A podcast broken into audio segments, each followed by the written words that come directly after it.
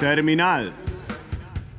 Vedno različni, nikoli isti, reš kolumnisti, isti, isti, isti, isti, isti, isti.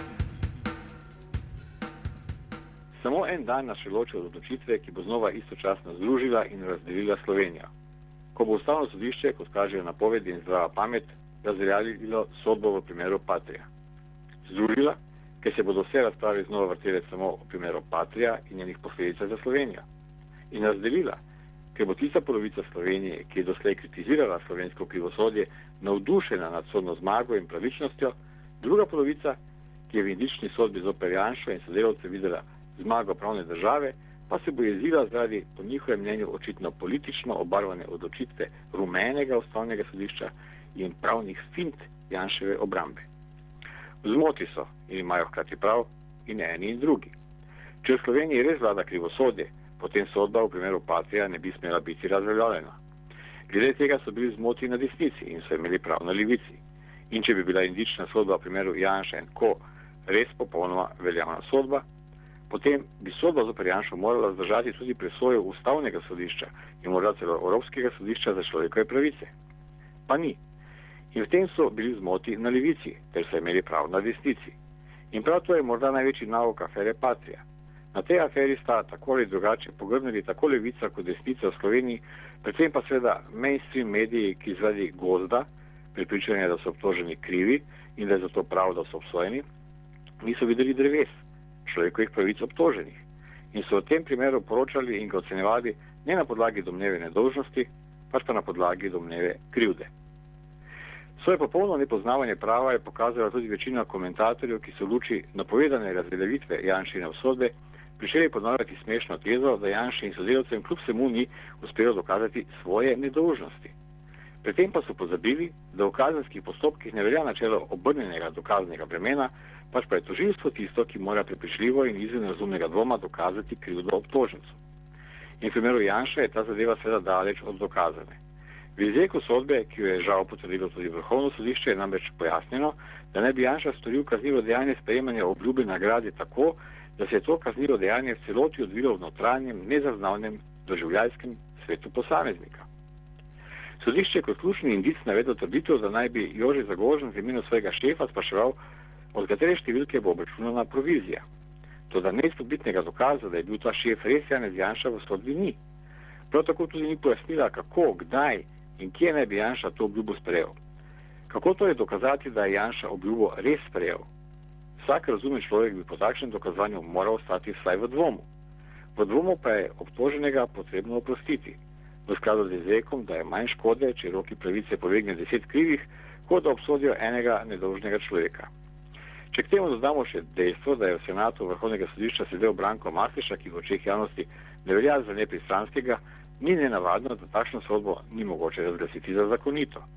Popolnoma enako pa velja tudi za odločitev o odzemu mandata Janši, kjer je prevladala zgrešena logika, da je mogoče neke nove standarde etičnosti zaradi nejasnih zakonov uveljavljati retroaktivno, kar za nazaj. Večina komentatorjev na levici bo seveda ostala prepričana, da gre za nedolžne kršitve, da je Janša v bistvu kriv in da se je izmazal samo zaradi pravnih fint. To zakaj je pravo, če ni proces, ki se odvija po strogih pravilih? Kdor tako lahkotno odpravlja avtoriteto ustavnega sodišča, bi se moral spomniti tudi na druge pomembne odločitve istega sodišča, ter na posledice odpravljanja prava. Dober primer za to je Nemčija v kriznih 30 letih prejšnjega stoletja, ko je bil v pravu uveden pojem sojenja po zdravem narodnem občutku. Kaj naj bi to konkretno pomenilo, je tolmačila vodilna NSDAP. To je bil čas, ko je Hermann Göring dejal naslednje. Mi, nacionalsocialisti, smo zavestno proti lažni blagosti in lažnemu humanizmu. Nikakršnega razumevanja nimamo za razne odvetniške izmišljotine in pravne zaplete. S temi besedami je spodbijal tudi materialno pravna in procesna jamstva, na podlagi katerih je bilo nepristransko sojenje v Nemčiji sploh mogoče. Prav tako nikoli ne bi smeli pozabiti, da nacisti nikoli niso ukinili Weimarsko ustavo. Preprosto je zgolj niso spoštovali. Istočasno pa so sprejemali tudi vrsto zakonov, ki so veljali za nazaj. Slovenija je sicer še daleč od tega stanja, toda odzem mandata Janša na podlagi strokovnih mnen in drugačne interpretacije zakonov za nazaj podivljanje sodišč zdravemu narodnemu občutku, da so obtoženi ziher krivi, kršitve temeljnih človekovih pravic v postopku, vse to so napačni koraki v pekel nepravne države, ki so bili seveda narejeni z najboljšimi nameni. Vse to seveda ni bilo prav. Toda istočasno ni mogoče mimo dejstva, da je to napačno pot obilno tlakovala tudi desnica z Janezem Janšo na čelu. Zabavno je danes poslušati, kako Janez Janša stoka, da bo svoje finančno stanje moral pojasnjevati v inkvizicijskem čarovničkem procesu. Tudi za ta zakon so glasovali tudi vsi poslanci njegove stranke. In prav tako, prav tako je znano, da Janez Janša kršitve domačih in mednarodnih zakonov in človekovih pravic niso niti najmanj motile, ko je obračunaval z domačimi in tujimi političnimi nasprotniki in zagovarjal kršitve človekovih pravic upokojenih častnikov JLA, izbrisanih in drugih. Nekateri upokojeni častniki JLA dolgo leta niso mogli obiskati svojih družin, saj so jih pred sodišči obtoževali neimenovani pripadniki vojaške obveščevalne službe. Proti tem obtožbam se res niso mogli braniti.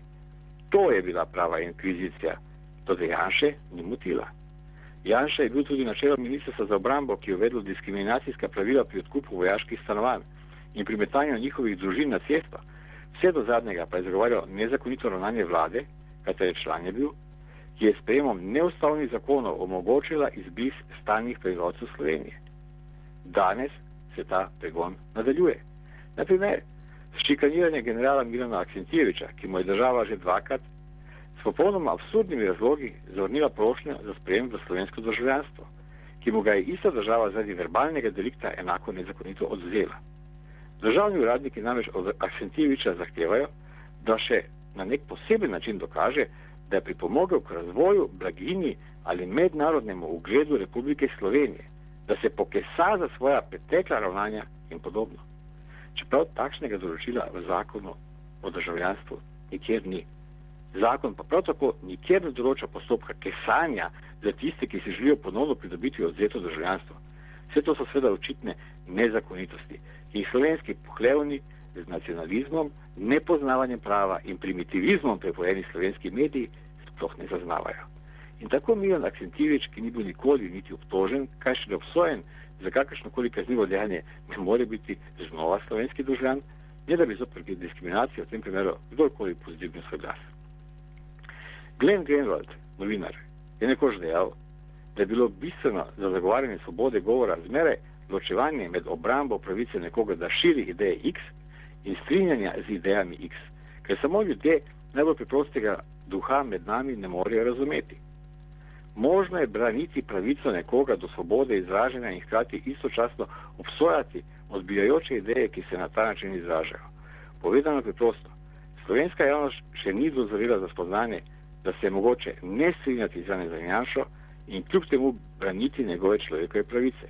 In obratno, da se je mogoče ne strinjati s pogledi Milana Akcentijeviča, vendar braniti njegovo pravico, da zaradi uporabe svoje svobode govora ne bo kaznovan z odzemom državljanskih pravic. In v tem pogledu je Akcentijevič veliko večja žrtev od Janeza Janša. Kajti Janez Janša je bil na koncu koncev sam žrtev inkvizicijskega sistema, katerem cilj posečuje sredstva in ki ga je spostavljal sam. Milan Akcentijevič pa je popolnoma nedolžna žrtev slovenske inkvizicije, se zgolj s tem, da je leta 1991 odkrito povedal, kaj si misli o slovenski osamosvojitvi, ni škodil nikomor. Nasprotno, prav zaradi njegovega odkritega mnenja se je Slovenija v svetu lahko hvalila, da je bila naša referendumska odločitev sprejeta svobodno. In tako bo v demokratični Sloveniji Janez Janša na koncu nedolžen in svoboden, njegove žrtve, med katerimi je največja žrtev Janšenih travm, in njegove neskončne gonje zopet drugače misleče prav upokojeni general Jela Milan Aksentivič, pa bodo še naprej obsojene na životarjenje ob slovenskem svetilniku svobode.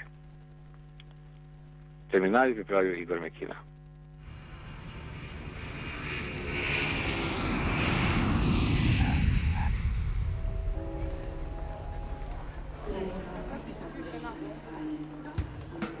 Terminal vedno različni, nikoli isti, reš kolumnisti, isti, isti, isti, isti.